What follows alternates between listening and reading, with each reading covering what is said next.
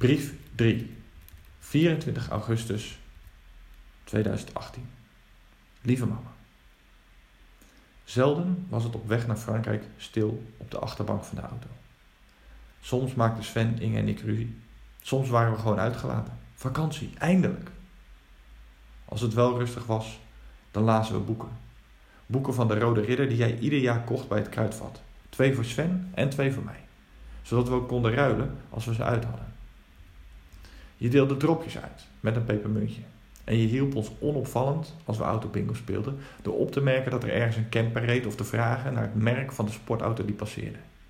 Op die manier kregen wij ook vaak de moeilijk vindbare auto's doorgestreept op onze kaarten. Heerlijk genoot je dan van onze rust. Of juist het enthousiasme.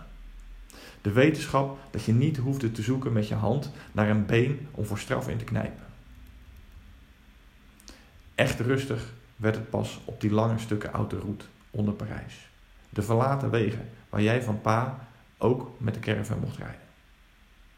Stukken waar hij, Sven en Inge vaak in slaap vielen en waar ik dan met mijn hoofd tussen de voorstoelen door met jou praatte. De rust, die vaak vlak voor de peage ineens weer verdween. Op het moment dat pa wakker schrok van het afremmen van de auto. Naar links, Liesje, wat doe je nu toch weer? Verdrietig keek ik toe hoe je handen dan gespannen in het stuur knepen. Er zit een auto naast je. Als het je allemaal te veel werd, katte je ineens fel terug door pa te laten weten dat hij ook zelf kon rijden als hij dat beter kon. Een moment waarop de rust langzaam maar zeker weer terugkeerde.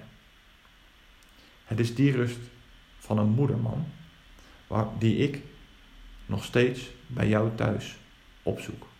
Liefs, Niels.